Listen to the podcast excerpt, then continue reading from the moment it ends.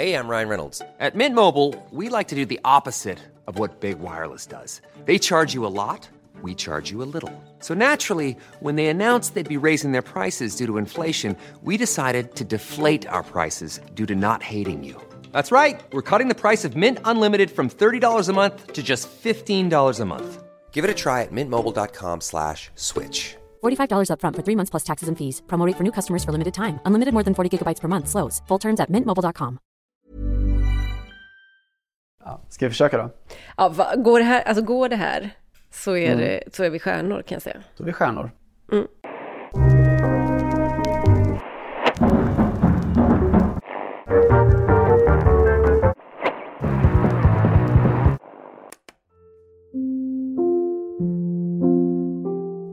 I had finally become what I wanted to be, motionless and still. The bliss of this moment was almost impossible to put into words. Well, how would you put it? Not being pulled to my feet this time. For once, not standing up and getting on with things. Just simply lying there, like run over quarry. Yes, lying there and perishing, because I could. Because no one is ever blamed for perishing. No yellow or red card would be incurred. No more goals that I could miss. I lay there in that blissful moment, temporarily out of play, still dreaming of ball possession, of leaving the defense, of a glorious long shot at goal. No feeble substitution applause, never again offside. Hej Johanna Frändén i Paris. Hej Simon Bank i eh, förskingringen. Ja, så är det. Bromma, I landsorten. landsorten. Eh, Du hade fått tag på Olof Mellbergs eh, poetiska memoarer hör jag ju. Mm, det är precis vad jag har. Mm. Eh, Jag gick över och lånade in den. Det, man hade lätt kunnat tro det, men han är ju inte från Nederländerna. Och han Japp, är stam. mig veterligen inte heller prisbelönt författare. Nej. Simon, Han är, Simon han är, inte, heller, han är inte heller icke-binär. Nej, han är väl extremt binär kanske, Olof Mellberg. Utan att veta något om hans inre liv så tycker jag vi kan, vi kan slå fast från det, från det yttre i alla fall. Att det är en, en 100% maskulin eh, individ. Sant. Om man med maskulin Alltså, menar, eh, så som det hette när vi växte upp, en kar. Just det, eftersom vi växte upp ungefär samtidigt. Eh, du har fått ledtråden att det är en författare, att det är något icke-binärt och Nederländerna. Eh, om det här vore På spåret så hade du dragit då? Nej, inte riktigt tror jag. För att jag, den enda jag kommer på som är icke-binär poet och holländska eller holländare var ju hen som skulle översätta den här Joe Biden-installationen. Amanda Gorman Ja. hon, hette väl. Ja, precis. Precis. Det, då hade du kunnat dra faktiskt. Eller jag vet inte om du har fått rätt för den här utläggningen. Eh, men då kanske Carl Johan de Geer någon hade sagt att eh, ja just det, Marike Lukas Reinfeldt. Det är ju helt sjukt att jag nästan sätter en bank. Ja, du var ju snabbare på det här än på Örjans vall så att säga. Exakt. Eh, Betydligt. Ja, men det är ju, allt handlar ju om prioriteringar i livet. Så är det. Ja, okej. Hon, det var hennes egen, eller hens egen lyrik då, jag... Det var hens egen lyrik, eh, författad och publicerad efter att Nederländerna hade åkt ur EM i somras eh, mot Tjeckien. I det som väl var en åttondelsfinal, väl, tror jag. Mm. Eh, hen är alltså fotbollsintresserad och var själv en talang enligt egen utsago. Eh, fram tills dess att hennes, förä- hennes föräldrar eh, tyckte att det där var ingen sport för flickor eh, att umgås Mm. så mycket med pojkar. Så hon vill inte fortsätta. Men hon, hen, förlåt, fan också vad svårt det är. Alltså det är, Eh. ju, det, är ju, det är ju inte säkert... Men jo, precis. Det beror ju helt på... Alltså det kan ju vara... Det här är skillnaden mellan förstås eh, eh, kvinn, alltså biologiska kvinnor som vill bli män. Men det här, är, här har vi ju att göra med en person som vill bli refererad till som hen, vill jag minnas. Ja, och vi är ändå tacksamma att eh, svenskarna har uppfunnit ett så pass bra ord som det ju är hen. Mm. Det, det hånade hen. Eh, Medan de i den anglosaxiska världen ju får använda their och them Ja, och they. They. Ja, vilket blir jätteproblematiskt och svårt, tycker jag. Ja, nej, den, jag tycker den är svår också. Ska jag berätta? Jag, i, I Frankrike har jag inte riktigt sett eh, det här slå igenom på stor front än. Men däremot så tittade jag för några år sedan på en svensk, fransk serie. Det kommer ju inte så många sådana så att man får ju titta på dem så att säga. Vad heter den? Polarsol eller Midnattssol eller någonting, givetvis. Eh, det var ett eh, drama om en fransk... Ja, det var en franska offer bland annat för en mördare i Lappland eller något sånt där. Och där fanns det någon polis som säger då att eh, gärnings personen, det, allt vi vet om hen är att... Och det där var ju mhm. svårt att översätta då. IL skrev de i, Aha. Ja, i fransk eh, textning. Eh, il och L är ju han och hon på franska. Ja, just det. Och är det etablerat? Nej, jag tror inte det. Alltså, mm. Det hade jag hört tror jag om det hade varit etablerat. Det, det är nog... Och det här, jag, jag vill ju påstå att det här är extra klurigt i språk där man, som, där man delar upp så mycket maskulint och Aha. och feminint. Alltså där, där hela vokabulären eller alla... Du har ett språkligt genus menar du eller? Ja, alltså det blir mycket svårare att, att tänka sig att... Man, man är så otroligt van vid att allting är det ena eller andra så att säga. Ehm, mm. I alla latinska språk. Men... Eh, Just det. Mm. Ja, det är en trygghet att ha att slattané hittade in i den stora franska ordboken före ett eh, icke-könat pronomen. Lyssnare får gärna höra av sig och säga att jag har fel, men eh, jag vill påstå att jag nog hade hört om det här hade funnits eh, faktiskt. Så är det säkert. Vill, vill du upprepa hens namn? För jag tyckte det var en fin, eh, fin bit. Marike Lukas Reinfeldt. Så var det. Mm. Mm, jag tycker om, eller jag är stolt över min, min nederländska diftong på slutet. Reinfeldt. Mm. Det är lite svalda L där. Ja, de blir ju alltid bra när man påpekar hur bra man är på dem. Ja, precis. Han blev ju känd för en bred publik med romanen som ju finns på svenska nu som heter Obehaget om kvällarna. Som vi kan väl eh, rekommendera som ett lite tidigt då, kulturtips. Mm. Läs den. Fantastiskt äcklig, fantastiskt mörk och fantastiskt bra. Tackar.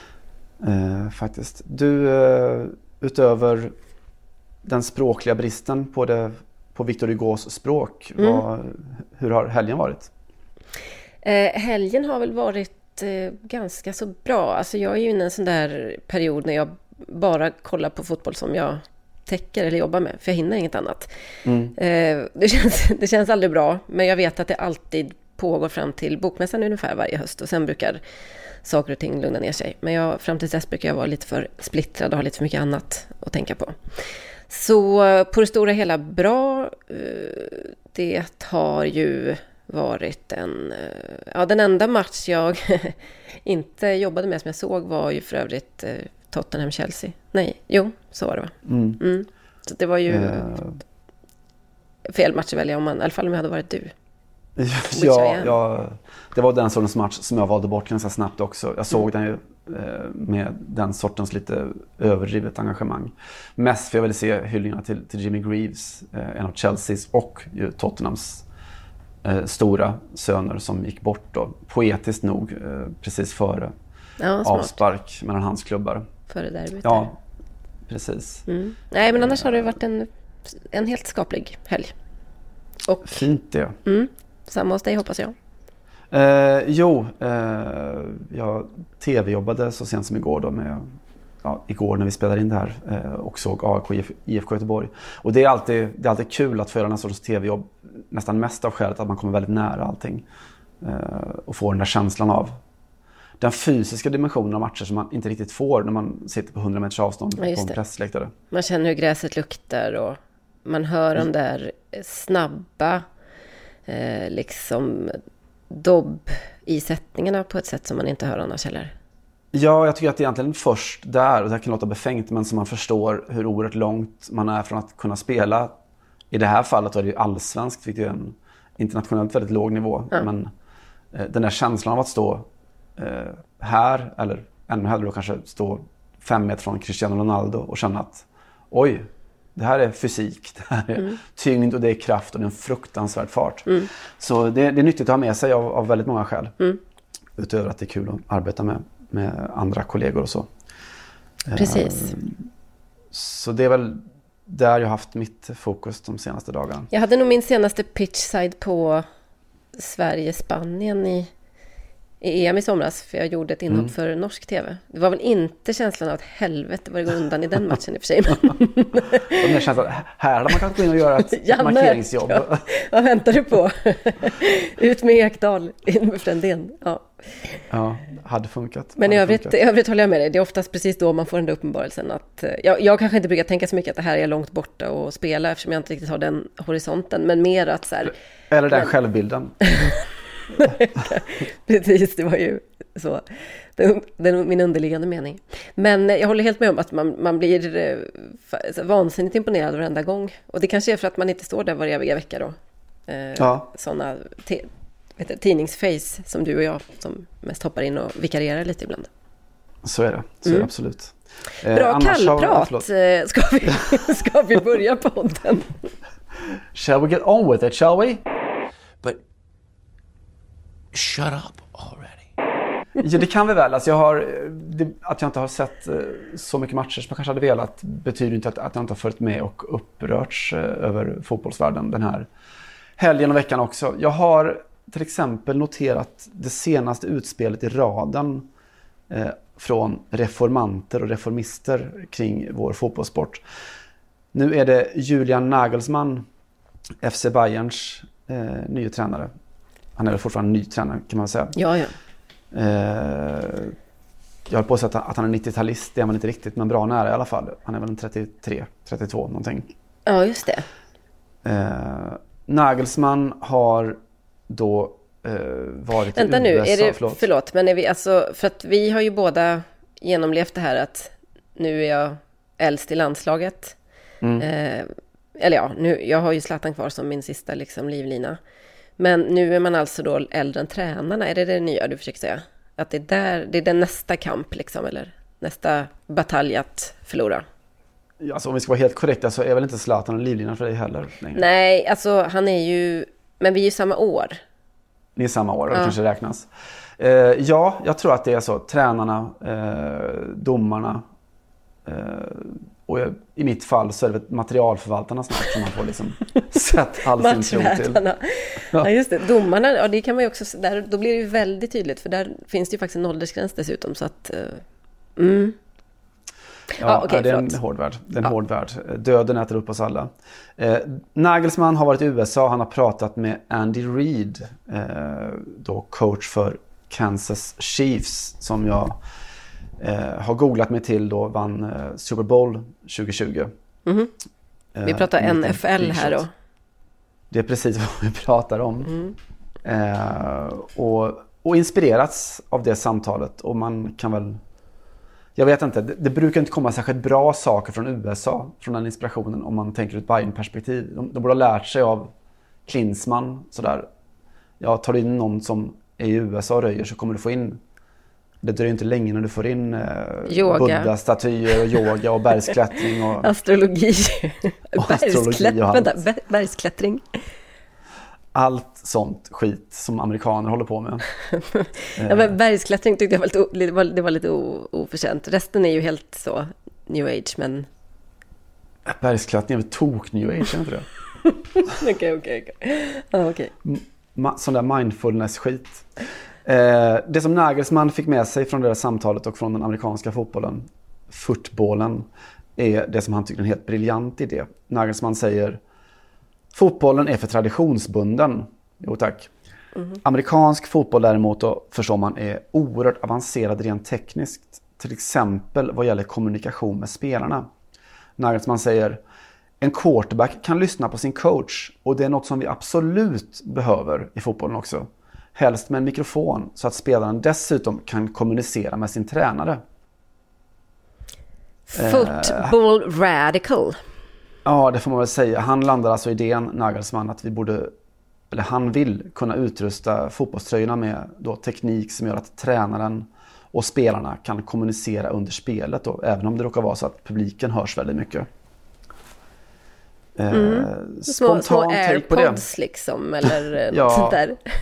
Nej, men jag, jag vet inte, jag, jag ser ju direkt eh, de tekniska problemen eh, här. Alltså hur, hur hur jävla jobbigt det blir när man är van vid detta och batteriet dör eh, till exempel. Eller du vet, man, hur mycket tid som ändå kommer gå åt att leta efter de här ganska små um, myggorna och lurarna i gräset när man har tappat dem. Det kan ju bli uh, nya liksom, spelavbrott som vi, alltså spelavbrott på en nivå som vi inte, ännu inte känner dem, tänker jag.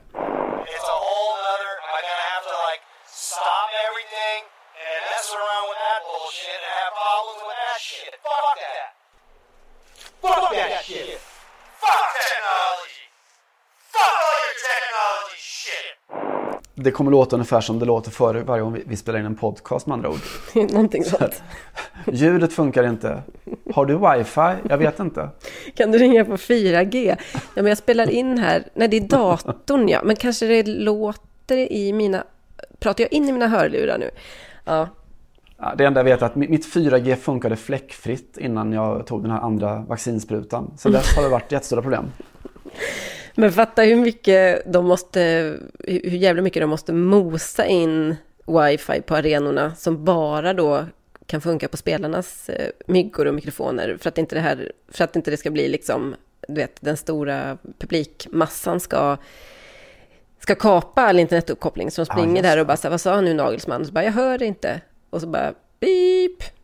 Ja, det kan ju lätt bli så att Kina blir världsmästare i VM. Efter att ha så hackat sig in och kunnat styra tysken vänster när han borde gå höger och så. Ja, fy fan vad deppigt också om någon, någon på läktaren knäcker wifi-koden. Ja. Nej, ja, no, nej men, jag, jag, men som du hör har jag ju bara tekniska invändningar. I övrigt tycker jag det låter som en briljant eh, idé. Jag känner att du ser mest problem med det, din gamla boomer. Eh, så här var du aldrig när du var 39. Eh, nej, själv så kommer jag att tänka på lite sådär tvär, inte tvärvetenskapligt, men tväridrottsligt. Då. Jag tänker att om Nagelsmann kan gå över idrottsgränserna så kan väl jag också göra det. Eh, och tänker på Marc, eh, Marc Madiot, en av då Frankrikes stora, historiskt då sett, cyklister. Eh, som då, han, han vann Paris-Roubaix, här, eh, vad heter det? Klappersten. Lilla, lilla Tour de France, som vi kallar det. Mm. Ja, det är en av idrottsvärldens största tävlingar får man väl säga. Eller tyngsta eller finaste tävlingar. Vad heter det? Kullersten heter det som de åker, åker över. Ja, det är väl norra- eh, vann ju. Precis. Oh ja, L'Enfer du Nord. Eh, helvetet upp i norr. Eh, han vann Paris-Roubaix två gånger då på 80-90-talet. Någon gång där. Och är nu då team manager i Française de eh, Jeux, stora franska cykelstallet. Eh, han gjorde själv då i våras ett inlägg i, i den här debatten som då har funnits i cykelsporten väldigt länge, eller så länge jag kan minnas nästan. Det vill säga den om hur det, huruvida det då är bra eller dåligt med radiokommunikation med, med åkarna under, under loppen. Eh, och det som Adio hade, som väl Nagelsmann då saknar, är det här lite bredare perspektivet. Han pratar om det som har hänt med cykelsporten då med cykeldatorerna. Eh, om sociala medier inte minst då, om hur dagens aktiva är så här konstant och övervakade och pressade från alla olika håll samtidigt. Det spelar liksom ingen roll längre om du är tävlar eller ledig eller tränar så allting mäts, allting bedöms och allting styrs konstant. Och Madiot sa så här. Öronsnäckor, sorry, men vi har ett möte före loppet. Vi behöver inte blanda oss i var tredje sekund. Det pressar bara åkarna ytterligare. För i cykelsporten så är det så nu att de här aktiva är liksom små figurer bara som styrs av någon slags osynlig hand som ja, de kan själva stå och följa liksom varje sekund av loppet på, på sin sån färddator. De ser eh, sin hjärtfrekvens, de kan följa sin kadens, de får instruktioner i örat.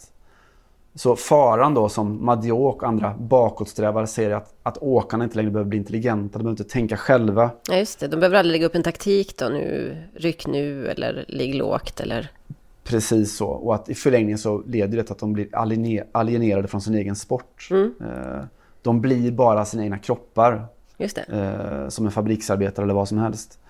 Eh, Trots att det kanske är taktikkunnandet som man traditionellt sett brukar hålla som eh, ja, det som skiljer de genomsnittliga cyklisterna från de, de riktigt råa.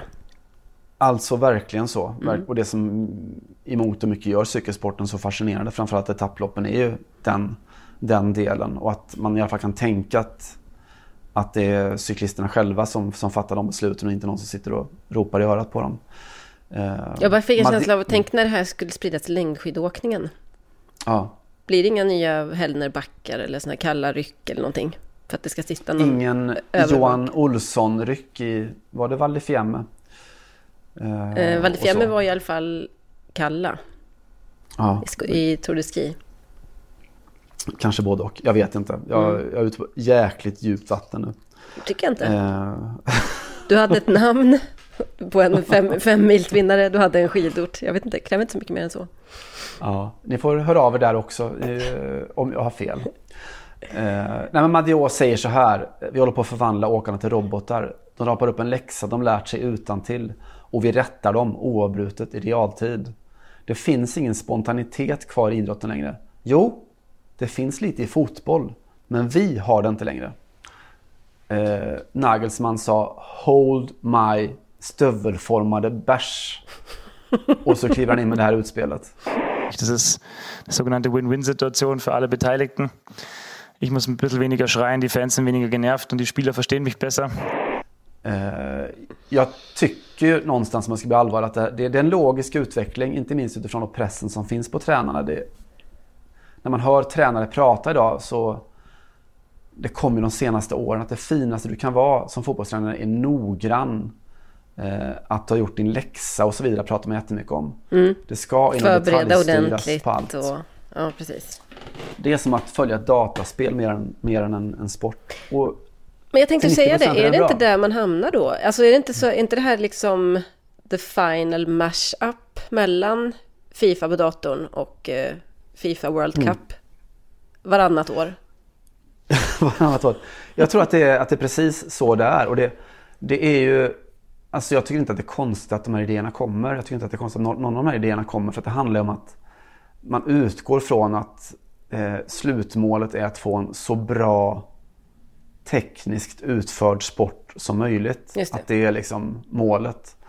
Eh, utan att ställa frågan om det är verkligen det vi, vi vill ha. Är den bästa fotbollen den tekniskt bäst utförda fotbollen? Ja, visst. Eh, Men det är ju, alltså man gillar ju ändå visionärer på något sätt. Eller jag är ändå beredd att försvara att någon kommer med den här idén. Och sen så tycker jag att den, ja, tänker man ett varv till så inser man att den är dålig. Men hellre en Nagelsmann som har liksom kontakt med eh, tänkare i andra sporter än en eh, Laurent Blanc som liksom aldrig slår, eh, lyfter luren och slår numret till någon överhuvudtaget för att be om inspiration lyfter luren. Ni som är då under 40, så tidigare så gjorde man alltid det. Man tog upp telefonen från liksom en apparat. Det, det är, det kan, ni, kan, ni kan googla på det säkert, men det låter konstigt hör jag nu. Lyfta luren. Nej, men bara, om man- nu bara det var en, en slö och slapp eh, jämförelse mellan en tränare som vill eh, tänka framåt eller visionärt eller i alla fall göra ett, ett försök till att tänka om fotbollen och någon som liksom inte bryr sig om det så mycket. Gud ja, men diskussionen i sig är väl toppen. Eh, och fullt rimlig. Det är en, alltså alla former av fotbollsfilosofiska diskussioner är fantastiska. Så länge som man tar bort filosofin ur det, eller tar bort just det där. Alltså så länge Arsene Wenger är med på ett hörn. så länge som Arsene Wenger är med på ett hörn. Nej, men det, det finns ju liksom en lista på, på tränare som har just tagit det här eh, korsidrottsperspektivet. Alltså Pep Guardiola är väl den som har pratat med, med flest, tänker jag. Eh, om det är basket eller schack eller... Det är klart att det finns jättemycket att lära sig. Men eh, eh, lämna ändå grunden i fred. Lämna ja, poesin i fred, i fred, tänker jag. Du vet att eh, du har min rygg här. Eh, nej, jag har din. Hur är det med kidsen säger nu? Ja. Vi har varandras rygg. Du vet att jag kliar på ryggen i de här lägena Simon. Men ehm, ja, det är intressant ändå för att eh, jag hade faktiskt eh, har dykt ner i en debatt som inte är så långt ifrån den här. Är du färdig? Är, du, är, är du färdig filosoferad förresten? Jag vill inte förekomma något. Aldrig färdig. Jag hoppas att jag har utrymme att filosofera vidare. Men jag lä- lämnar över bollen med varm hand. Eh, ska vi åka till Lyon då? Min, ni minns att mitt förra avsnitt var lite PSG-tungt från mitt håll, så att nu tar jag så att säga tåget söderut två timmar. Nej, men värt att nämna förresten, om vi, om vi börjar i Lyon så ska vi ju be om ursäkt för att vi inte kunde verka fram Emma Holmgrens namn förra året. Åh, tack. Eh, Lyons nya målvakt. Vi har fått på pisken på Twitter av minst en person eh, kring detta. Dåligt av oss. Eh, vi ska ta revansch, eh, givetvis. Det, det som hänt eh, för övrigt på damsidan i Lyon i veckan är att Ada Hegerberg är tillbaka i träning. Mm. Eh, och nu har det hänt så satans mycket inom fotbollen och i världen den sista tiden så att man... Många har säkert inte ens koll på det, men vet du hur länge sedan hon spelade en match, Simon? Hon håller på att snudda på nästan två år, eller? Mm, precis, ett och ett halvt, alltså januari 2020. Pre-pandemi precis. Exakt. Hon, för först var det ju ett eh, ligament som gick av, eller ja, precis. Och sen när hon var på väg tillbaks så fick hon eh, ytterligare en, en eh, skada i, eh, vad är det, om det var fotleden eller något sånt där. Ja, tibia, jag har glömt vad det är. Ja, det är... En twer twerk-skada. En twerk-skada, precis. Exakt så. Um, Ada Hegerberg alltså, världens, fram tills alldeles nyligen, bästa och mest profilstarka fotbollsspelare på damsidan, är, tillbaks, eller är på väg tillbaks. Och har alltså varit uh, ett och ett halvt år i rehab mer eller mindre. Herregud vad tungt. Och vi hoppas på, ett, på en, en bättre ett snabbare och mer hållbart tillfrisknande den här gången. För att extra surt när man tror att man ska kunna komma igång och så åker man på en ny skada. Ada, Fruktansvärt. The world needs you och så vidare. La primadonna. Just precis så. Eh, Lyon, det var egentligen det här jag skulle säga om Lyon, att man mötte PSG på här sidan i helgen. Detta ägnade jag mig åt eh, bland annat i söndags. Och, eh, Då hann den lilla argentinaren som avgjorde va, för PSG? ja, precis. Exakt. Den, stjärnan där. Stjärnan där på en... Eh, eh som alla hoppades på. Alla mm. tänkte, ska det äntligen vara slut på måltolkan för Mauri Icardi? Och det var det. Och sen blev det. Mm. Mm. Men det var ju inte utan kontrovers eh, att eh, PSG slog Lyon med 2-1. Dels kan man ju titta på matchen där Lyon var eh, det bättre laget över, över hela matchen och framförallt var frejdiga och väldigt orädda. De hade ändå åkt till Paris med allt vad det innebär. Neymar fick ett straffmål med sig från matchen. Det var han själv som fick straffen och det var i en närkamp, en liten brottningsmatch kan man väl säga att det var med eh, Lyon-försvararen med det fantastiska namnet Malo Gusto. Förstår inte det här kan vara, inte kan vara en, en, en större sak att han i princip heter dålig smak. Ah, fantastiskt. Eh, men vi skiter i det och fokuserar bara på vad eh, vår vän Jean-Michel Aulas sa efter matchen. Eh, Aulas, alltså presidenten i, eller ordföranden i Lyon och ägaren, ni vet att han är en, en Ja, han är väl det som Göran Johansson var längre i Göteborg. Han är liksom Lyons starke man. Varken mer eller mindre än så. Det är liksom ofta här fotbollsdebatten börjar och slutar i, i Frankrike. Ehm, och Lass har, han har eh, givetvis ett, ett eh, starkt ehm, vad ska man säga, en, starka intressen i sin egen klubb. Men han är också bra, ganska bra på att lyfta generella frågor, framförallt när de inte står i vägen för hans egna Nej, framförallt när de står i vägen för PSG skulle jag säga. Om och framförallt dominans. när inte Lyon har förlorat precis. För han, han, är ju han är ju ganska ljuvlig det. Att han, är, han är sund, han är smart, han är jag tycker jättemycket om honom. Men när de har förlorat så tappar han ju all sans och balans och blir som vilken supporter som helst. Ja, det är mycket ja. festligt i hela. Nej, han är en fruktansvärt dålig förlorare. Och han har också det där tunnelseendet som gör att han tror att det han tror att han är rätt person att gå på PSG för hur, hur de dominerar fotbollen. När han trots allt satt vid rodret i Lyon, som vann, mm. vad det var, åtta raka titlar på början på 00-talet.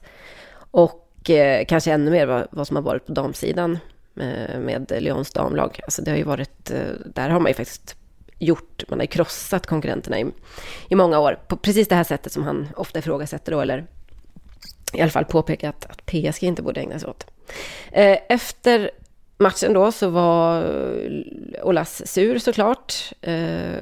Pingade in franska ligan och franska fotbollförbundet och sa att nu är det dags för fotbollsdomarna eller domarskapet inom fotbollen att Eh, göra sin lilla revolution.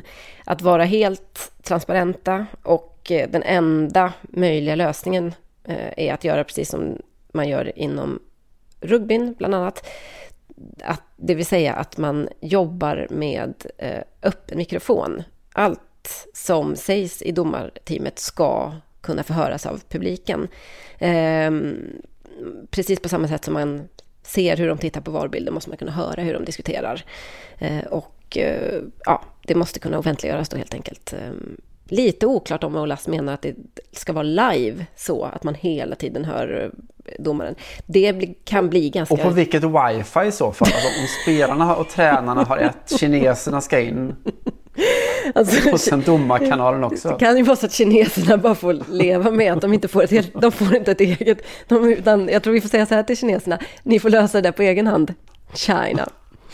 eh, jag vet inte, det här är... Jag, jag måste ärligt säga att jag känner faktiskt inte till den här debatten. Kan bero på att jag håller på att förbereda mig för bokmässan, vi skyller på det. Men det här det är en debatt som eh, finns inom eh, idrottsvärlden och i England framförallt då FA har eh, diskuterat eh, frågan ganska nyligen och sagt att eh, ja, man är öppen för, för debatten i alla fall, för diskussionen. och då handlar det om att i efterhand då kunna offentliggöra domar, det interna domarsamtalet. Då pratar vi alltså huvuddomaren med sina assisterande och i det här fallet också var bussen, hur man har diskuterat med varandra. och detta fick mig ju såklart att kontakta min gamla SVT-kollega och vår vårt, vårt stora svenska domar... Um, alibi är fel att säga, men vår, vår enda riktigt stora domare helt enkelt. Fan vad, vilken lång jävla introduktion för att säga, jag ringde Jonas Eriksson. uh, och... Du lyfte luren gjorde du? Lyfte luren, det gjorde jag faktiskt inte. Jag messade honom när jag tänker efter. Skitsamma. Mm -hmm. Och uh, för att höra lite hur han såg på det hela. Och uh, fick ett ganska kul litet eh, klipp från hur det kan låta, hur det kunde låta när han var ute på vägarna och hur otroligt mycket det snackas helt enkelt. Hej, jag Ryan Reynolds. Recently, I asked Mint Mobiles legal team if big wireless companies are allowed to raise prices due to inflation. They said yes. And then when I asked if raising prices technically violates those onerous two-year contracts, they said, what the f*** are you talking about, you insane Hollywood ass?"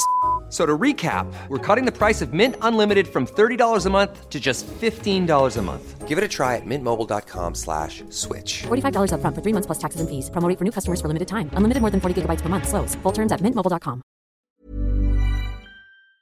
Eh, så här till exempel. Inför? Jag tänkte att de söker Jerusalem, Verkligen. Eller långa mitten av nu. Ingenting. Knä! Med ryggen. Nej, bra sparkat.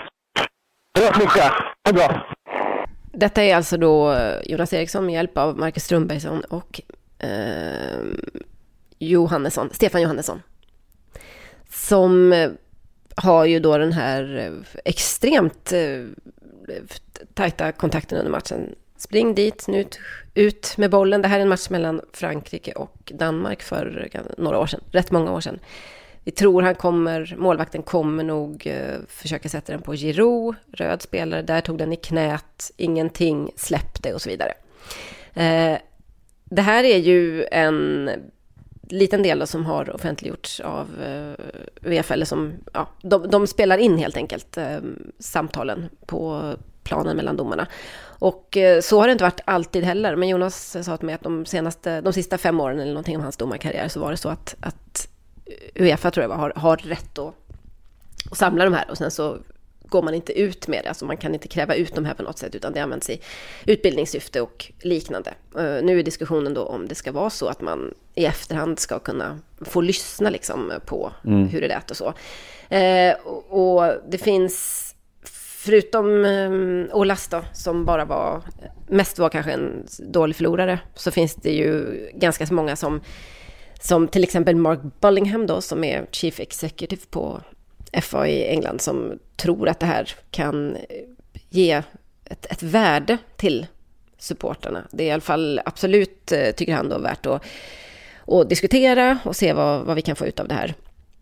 eh, det kan, det kan liksom ge ett visst värde till supportrarna och det kommer att avmystifiera eh, mm. ännu en del av eh, beslutsfattandet hos domarna. Vi måste, givetvis måste vi fundera på eh, om det är en bra idé. Jag fastnar lite vid det här ordet, avmystifiera, för att det är ju lite det som jag känner är problemet med hela VAR och hela egentligen hur domarrollen har utvecklats eller allt på alla sätt som domaren har ifrågasatt de senaste åren. Just att man avmystifierar eller avauktoriserar egentligen en, en eh, roll som alltid har funnits här, alltid har varit kontroversiell och alltid blivit mm. ifrågasatt. Men man ser ju med VAR att det, det, är svårt att komma ifrån det. Liksom. Eh, problemen kvarstår. Eh, det som hände mellan PSG och Lyon var att det inte blev någon VAR-koll till exempel, eller VAR-koll, men det blev inte någon, eh, något avbrott och, och så vidare. Det blev ingen förändring i beslutet skulle jag säga. Snarare. Och bara för att det är så roligt och kanske också för att Zlatan gjorde mål så ska vi lyssna lite på hur det lät i mötet mellan Sverige och Grekland, EM 2008. Zlatan gjorde första målet, vem gjorde det andra för Sverige, Simon? Uh, Petter Hansson, det är ju det man minns från matchen. Det var det enda jag minns från den matchen, precis. Uh, den kroatiske domaren Ivan Bebek och hans uh, anhang, eller kollegor, lät så här när de diskuterade. It's a big storm in the city. Patrick, Patrick told me it's a big storm in the city, so maybe it will come here. I don't understand. What are you fucking uh, talking? raining in the city, big rain, so maybe it will come here in a few moments because now it's. Uh, it's not my problem. Shut up. Okay, but just to be prepared because of your. No, concentrate, concentrate, yeah. Ivan. Please, please, don't talk for nothing. De, vad pratar domare om då, Simon, om de inte har något annat att säga? Ja, de pratar om vädret, som vilka människor som helst eh, såklart. But... Väder och vind, mm. det är så sjö, sjörapporten. Nej men är det lite mer att de, man bara, okej okay, här står vi, känner inte varandra så väl, vad ska vi prata om? Nej men jag säger något om vädret. Men det var inte alls, eh, det var inte liksom eh, Ivan Bebeks, det föll inte honom i smaken. Jag har ett jobb att göra här, jag skiter väl i stormen som är på ingång. Ja, jag tycker det är fint. Mm. Nej, men du, du rör något som är väldigt, väldigt spännande just med att, att lyfta avmystifierandet som en, eh, som en positiv sak. Ja. Eh, och det går ju så oerhört snabbt det här. Eh, jag tänker, jag tror jag refererade till förut, att det finns en fransk filosof som heter Michel Serre som pratar om att det finns en missuppfattning i fotbollen att det är inte spelarna som gör mål utan det är domaren som gör mål. Eh, vilket det de facto faktiskt var alldeles nyss. Då, att det är domaren som bestämmer, är det mål eller inte mål? Det är han som äger makten över målet. Mm. Eh, och sen i och med VAR så flyttas väl makten på sätt och vis. Då. Det är i alla fall målet med VAR är att det ska inte längre vara domarna som bestämmer utan kanske tekniken. Vilket gör att, eh, ja, idealt i alla fall tänker att det ska vara spelarna som gör, som gör målet. Är det mål så är det mål. Är det foul så är det inte mål. Det är mm. inte domaren som bestämmer utan utan det är spelarnas skicklighet som avgör. Eh, och sen så kommer då eh, Nagelsmann in och drar det ett steg till. Att det ska vara tränaren snarare som gör målet. Ja, just det. Eh, så att det kommer liksom längre och längre ifrån där det kanske någonstans borde vara. Alltså jag undrar om inte så slutpunkten i avmystifierandet, jag tror att jag nämnt det förut, att eh, en performancekonstnär som heter Eddie Peak som ställde ut tio män som spelade fotboll på något konstgalleri. Nakna? Eh, som, som spelade nakna. Att det är där vi landar till slut när allting ska vara avklätt eh, och steriliserat och iskallt. Eh, allting ska finnas för ögat att se. Ingenting ska längre vara, vara dolt. Just det. Utom Kinas inblandning då? Utom Kinas inblandning. Vi mm. räknar med den fortfarande. Mm. Det är de vi hoppas på till slut. Just det, för det känns ju väldigt, eh, känns ju inte alls i liksom den kinesiska linjen att en tränare skulle kunna få för sig att styra hela laget och alla Nej, spelarna bara skulle lyda. Jaha, ja, ja, jag springer till höger om det du vill. Okej, okay, förlåt kulturrasism. Uh, vi, uh, nej men det kanske är den naturliga slutpunkten. Jag kände, jag, jag kände ju inför ditt förslag, eller inte ditt, men Nagelsmans, att det är en annan sport, men inte nödvändigtvis sämre, fast vi kanske ska kalla det något annat, eh, om det är så att man kan prata med spelaren hela tiden och, och tala om hur de ska springa. Så det, då är man ju kanske mer eh, orkesterdirigent till exempel, än någonting annat. Um, och det, det är väl ett, eh, ett yrke också, men det är en annan sport kanske. Det är ju mer schack då än eh, organisk idrott kan man ju tänka sig. Men det är intressant. Ja, och, och egentligen så tänker jag att det är klart att man, man kan känna att det är väldigt mycket surr i fotbollen och kring fotbollen just nu. Och det är en jävla massa prat och pladder och inte så mycket läktarsånger det senaste ett och ett halvt året. Men att det ändå är liksom sociala medier och det tar aldrig slut och det är bara ett så... Ja, men som vi pratade om inledningsvis, det här att man är som spelare konstant på något sätt bevakad eller aktuell och så. Eh, och att man är ju fett trött på surret och bruset, liksom. även om man gillar det också och, och lever ganska så mycket på det. Eh, och alternativet här är ju antingen, alltså jag ser egentligen bara två vägar. Det ena är ju att man låter domarnas eh, snack gå ut på någon frekvens då som du kan ställa in där om du står i publiken. Lyssna på allt, om du nu bara vill ha en jävla massa tugg och ljud och brus hela tiden. Eh, så att man gör ordentligt, för det är klart att gå ut i efterhand, eh, då kommer det ändå bli, då ska man korrigera sakerna sen då. Det där var fel eller vi tar tillbaks eller hur man nu gör. Man kanske kan dela ut ett kort i efterhand och sådär. Eh, bättre då att köra ut det live så att folk får tuna in om de vill och hata domarna ännu mer. Eh, då kan de inte hålla på och prata om väder och vind. Då får de, de kan inte heller hålla på. Alltså då får ju allt internsnack försvinna. Men jag frågade faktiskt eh, Jonas om detta och han var positiv till, till inställningen. Han sa att är man en bra domare så klarar man av att lägga det på den nivån, att det, att det håller för granskning. Eh, så det är också ett sätt att, att se på det. Det andra alternativet, eh, Simon, och vi, eftersom vi är en radikal fotbollspodd så måste vi ju då och då lämna, eller komma med ett radikalt, det vill säga ett systemomstörtande förslag. Och detta är ju, skulle ju vara i så fall att man lägger ner allt sånt här. Alltså, och då menar jag stänger av all kommunikation överhuvudtaget på planen med domaren mellan eh, domarteamet och eh, mellan spelarna och domaren. Menar, det här... Att de inte får kommunicera med varandra. De får inte prata med varandra. Eh, de kan få prata med varandra, kanske spelarna. Eh, Det är väl svårt att stoppa. Men de får säga att de inte får prata med domaren. Eh, och jag menar, det är ju inte... Alltså det jag försöker lansera är nu den tysta fotbollen, helt enkelt. Ah, För jag tror... jag tycker om vad jag hör. Ja, men tänk efter. Det låter ju helt sjukt om man tänker så här, nej men det är omöjligt. De måste ju få liksom, eh, det är så mycket, det är en kontaktsport och det är så mycket känslor, bla bla. Jo, men det finns ju i tennis, håller du inte på att prata med domaren? Eller det är ju inte, det gör ju vissa spelare för all del, men det är inte så väl sett, so to speak. Det, ju, det blir det finns ju några legendariska eh, interaktioner såklart. Answer my question! The question, jerk! Men det finns en jävla massa sporter, inte vet jag, pingis då. Ehm, skidåkning, där man inte håller på och snackar med domare. Så det är inte så att det inte går, det är bara att vi är vana att man måste få det inom fotbollen. De måste springa fram och säga nej, nej, nej, nej, nej, eller jag rörde honom inte, eller och så vidare. Eh, den tysta fotbollen skulle ju vara någon sorts eh, gentlemannasport, tänker jag, där man eh, går fram till domaren och så säger domaren eh, du får gult kort nu. Och så bugar man lite grann och så springer man tillbaka till sin utgångsposition och så är det med den saken.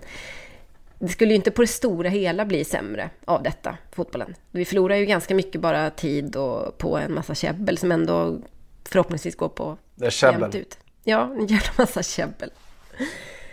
Ehm, det är de här två möjligheterna jag ser. Och här har vi ju också chansen att... Här, annars får ju fotbollen knoppa av sig då. Då får vi få en fotbollssport som är eh, som en form av eh, tränarschack. Det var ju den som Nagelsmann eh, var inne på, som du beskrev. Vi kan också tänka oss fotbollen där man hör precis allt. Den totalt transparenta fotbollen. Det vill säga Gamerfotbollen. Eh, ja, lite så. Och då ska du inte bara kunna kanske eh, vad heter det, ratta in domarfrekvensen, utan då kanske du ska ha, eh, kunna lyssna på Nagel, Nagelsmans instruktioner till sina spelare och hur de tar upp det också. Fan, en tråkig grej med det här till slut med de här ljuvliga lapparna som eh, kommer ut på... Ja, just det. Sant. Ja. Ja, det har inte, vi har inte tänkt igenom förslaget helt färdigt än. Men vi, vi lyfter frågan gör vi. Vi lyfter Jag, frågan. tänk, jag tycker om i alla fall att, eh, för så fungerar det ju i en, en sån debatt, att det kommer ett drag och ett motdrag. Eh, Att man förtydligar, om vi nu ser att det finns en risk för avmystifieringen av, av vår älskade fotbollssport så kommer Johanna Frändén dra sin, sin parisiska sabel för ett eh, förgudligande igen. Just det. Eh, mystifierande av fotbollen. Precis. Jag kommer att tänka på den här intervjun med, med Lars von Trier när han får frågan om hur hans och eh, Ingmar Bergmans relation såg ut. Mm. Eh, von Trier berättade att han hade hört av sig till Bergman massor med gånger. Ja, vad, vad hände då? Hur, hur ser er, er relation ut nu för tiden? Eh, nej, min relation till Bergman är samma som Bergmans relation till Gud. Han svarar inte. Mm. Eh, så låt det, låt det bli en sån fotbollssport då. Jag Där domaren det. inte svarar eller frågar. Eh, domaren får vara Gud, domaren får göra mål. Eh, och tränarna får stå hjälplös vid sidan om och gestikulera och skicka lappar. Där har vi den. Där har vi den. Fotbollen, Den tysta, gudomliga fotbollen. just det. Det betyder inte att det inte får vara liv på, på läktaren. Men det här kommer också innebära en ny form av disciplinering av fotbollsspelare som jag tror skulle kunna vara ganska välgörande också. Absolut. Eh, den goda fostran. Den goda fostran, precis.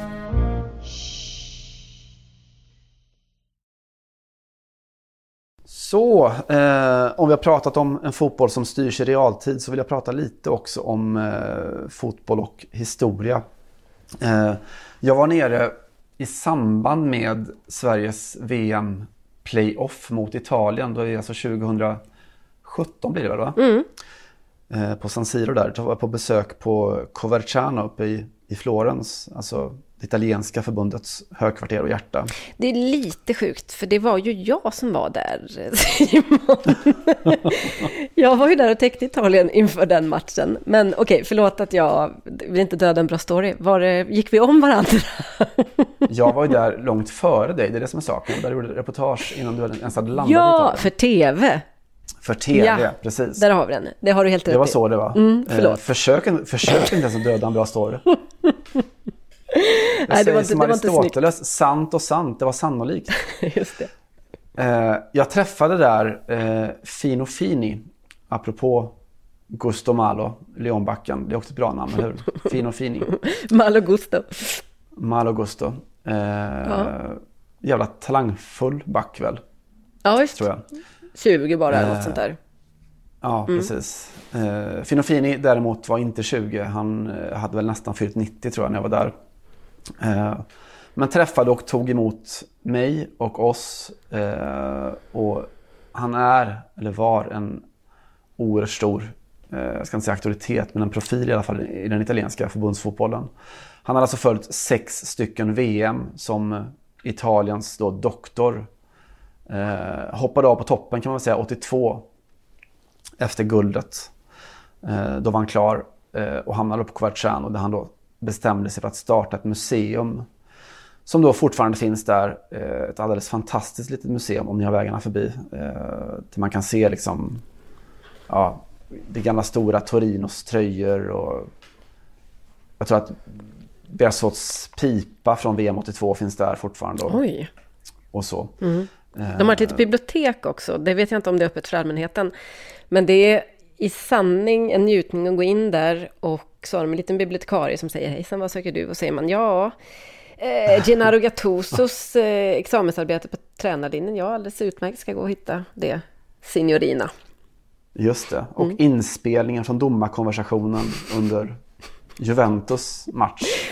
Skulle kunna få snacket mellan eh, De Rossi och eh, förbundskapten Ventura sekunderna efter att. Sverige hade spelat 0-0 på San Siro i november 2017. Nej, det har vi tyvärr inte. Kolla, gå till kineserna. Förlåt igen. Eh, Finofini eh, dog eh, 92 år gammal i, i fjol. Då. Eh, ganska precis ett år sedan när vi spelade in det här. Eh, ingen stor dramatik då, han var 92. Som sagt. Men jag, jag kommer ihåg honom och jag kommer ihåg hans museum väldigt mycket. Eh, han har också där, eh, Fabio Cannavaro lovade honom att han skulle få hela hans, allt han hade på sig under finaldagen 2006. Eh, Så det kan man se om man vill se hur världens bästa fotbollsspelare 2006 klädde sig just den dagen. Vadå, alltså eh, in, in på underkläderna så att säga? Nej, det är inte så, så Dolce Gabbana inte, utan det, det var hans, hans du förstår precis vad jag var ute efter. Jag var inne efter avmystifieringen igen. Vad galne Gunnar, nej nu vart jag lite besviken här. Resåren är helt utslitna. Va? Just det. Eh, nej, så, så bra var det inte riktigt, men det, det är väldigt, väldigt bra. Ett väldigt fint museum. Eh, och jag tänkte på det för att det är ju ingen ny take, men att det är väldigt viktigt att komma ihåg varifrån man kommer. Och varifrån fotbollen kommer och vilka det är som har gått före oss. Eh, parallelltanke, jag funderar på om till exempel Lina Hurtig och hennes lagkompisar i Juventus då, som ju nu leder Serie A delat och som eh, ska spela Champions League och så. Om de vet vem Alessandra Witzel är. Och det gör de säkert inte, såklart. Så därför berättar jag det här istället då. Eh, Alessandra Witzel kom från Cuneo, eh, någon mil söder om Turin uppe i Piemonte.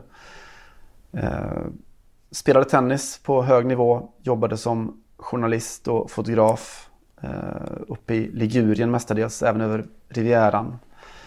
Från Ventimiglia och eh, västerut i mina gamla trakter. Hon hade en examen i klassisk litteratur naturligtvis och hon älskade fotboll och var milanista. Hon använde då sin fritid, då när hon inte var journalist eller fotograf, till att eh, vara med och bygga upp Cuneo Calcio, eh, damlaget.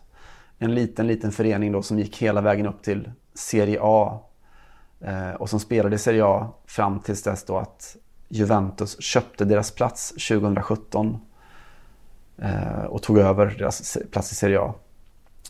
Och om jag pratar om Alessandra Witzel imperfekt så är det för att hon, hon dog då i, i våras eh, väldigt plötsligt. Eh, fick en blodpropp och gick bort då, mitt i sin aktiva ålder.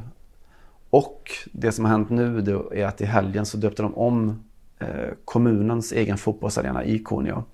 Den heter numera Campo Alessandra Witzel.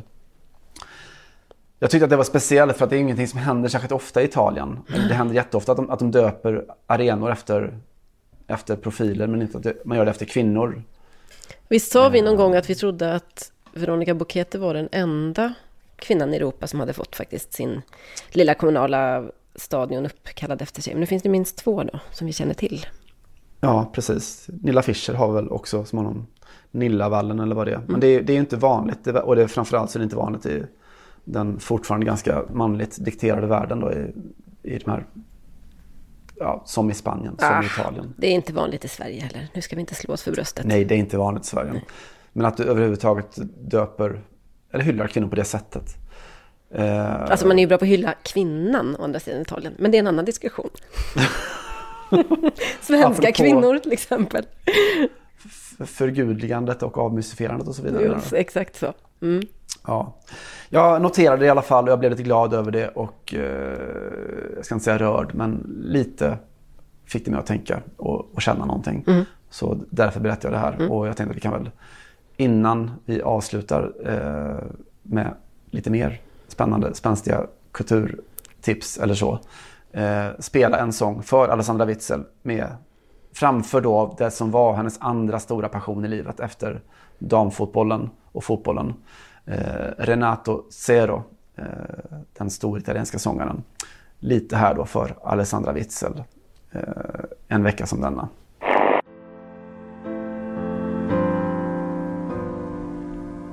Quante volte ho guardato al cielo, il mio destino è cieco e non lo sa. E non c'è pietà per chi non prega e si convincerà che non è solo una macchia scura.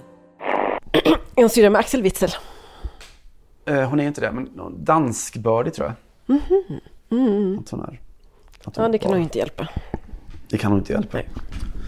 Käften men. Håll så käft. Halsen din käft. Fint. Mm. Vi tar oss väl härifrån med ett kulturtips också och jag tänkte beordra alla, eller uppmana i alla fall, att gå eh, på bio. För jag vet att den går i Sverige nu. Det är en fransk film som heter Gagarin eh, av Fanny Liattard och Jeremy Trouille. Och eh, Eh, den här filmen handlar om ett, eh, till hälften kan man säga, verkligt, eh, en verklig händelse, nämligen det stora miljonprogrammet, ett av de mest kända, för att inte säga det mest emblematiska i Parisregionen i alla fall, Gagarin, som ja, det byggdes på skarven mellan 50 och 60-talet, tror jag, 60-talet kanske, i kommunen Ivry-sur-Seine, Eh, ett stenkast ifrån där jag sitter nu och eh, strax, ja precis utanför Paris eh, stadsmurar kan man säga. Varför Gagarin då? Jo, för att den här kommunen liksom de allra flesta som ligger, om man tänker från norr om Paris och så hela det östra varvet runt till söder om där jag sitter, har varit eh, kommunistiskt styrda. Många är det fortfarande. Ivry-sur-Seine är ett sånt ställe där det har varit, eh, varit 90 års kommunistiskt styre eller liknande. Vilket innebär att eh, många, eh, vad ska man säga, Sovjetprofiler är hög, högt hållna. Gagarin då som var den, en sovjetisk astronaut, kosmonaut säger man ju förstås, var på besök när man invigde själva bygget kan man säga. Och sen gick åren och det som hände, eller det som ofta händer, hände här också, nämligen att man insåg att bo så här storskaligt var kanske inte bra för människan. Eh, det blev mycket sociala problem. Fransmännen, de etniska, flyttade ut. Eh, det blev eh, ett, eh, vad vi skulle kalla invandrargetto kanske. Och eh, för några år sedan så fattades beslutet att Gagarin skulle rivas. Och här kommer vi in i filmen Gagarin som är en spelfilm då. Som handlar om Juri. Som är eh, i tonåren och eh, älskar rymden.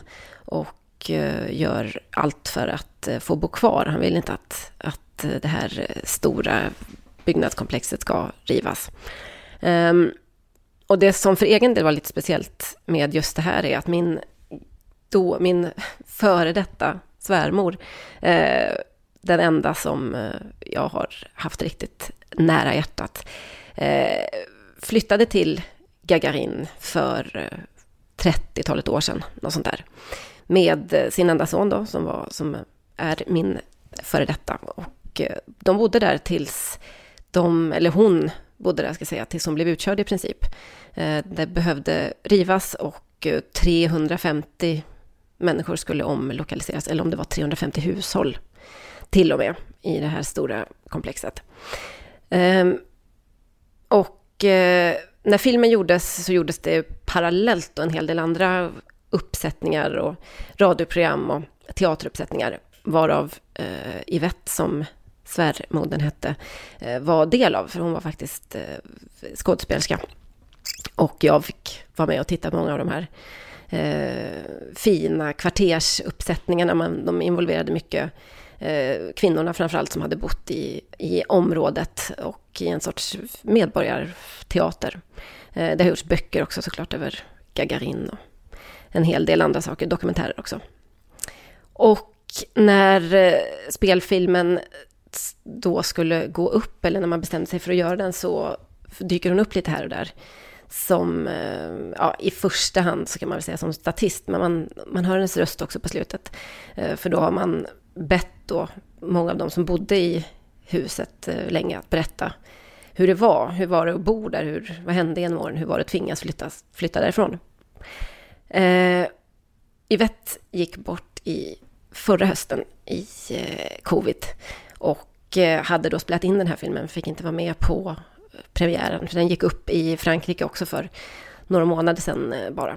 Men utöver det så är det en väldigt, väldigt fin film. Den handlar om eh, förortsliv såklart. Den handlar om rymden väldigt mycket. Den handlar om kärlek lite grann. Och eh, den handlar om den här eviga frågan hur man eh, ska slå sig loss från den, det som man skulle kalla kanske det, det, det, det sociala eller det ehm, det sociala fängelse faktiskt, som eh, förortslivet i Frankrike för många betyder. Och eh, det är en väldigt poetisk tolkning av vad vägen ut kan vara. Nu vet jag att den går på Folkets bio i Sverige, så den finns eh, på flera platser och den går att se medan eh, ni lyssnar på detta. Och säkert veckorna som kommer också. Så jag säger bara till alla er som är intresserade att Gagarin och eh, Cannes-festivalens eh, särskilda val. Bättre än så kan det inte vara. 2020 blev den utvald där. Och så lämnar vi podden med ett eh, tema från eh, filmen som heter Yatara och låter så här. Och så ses vi och hörs nästa vecka. Vi hör allt. Hej då. Hej då. عشباك المسا ناديت القمر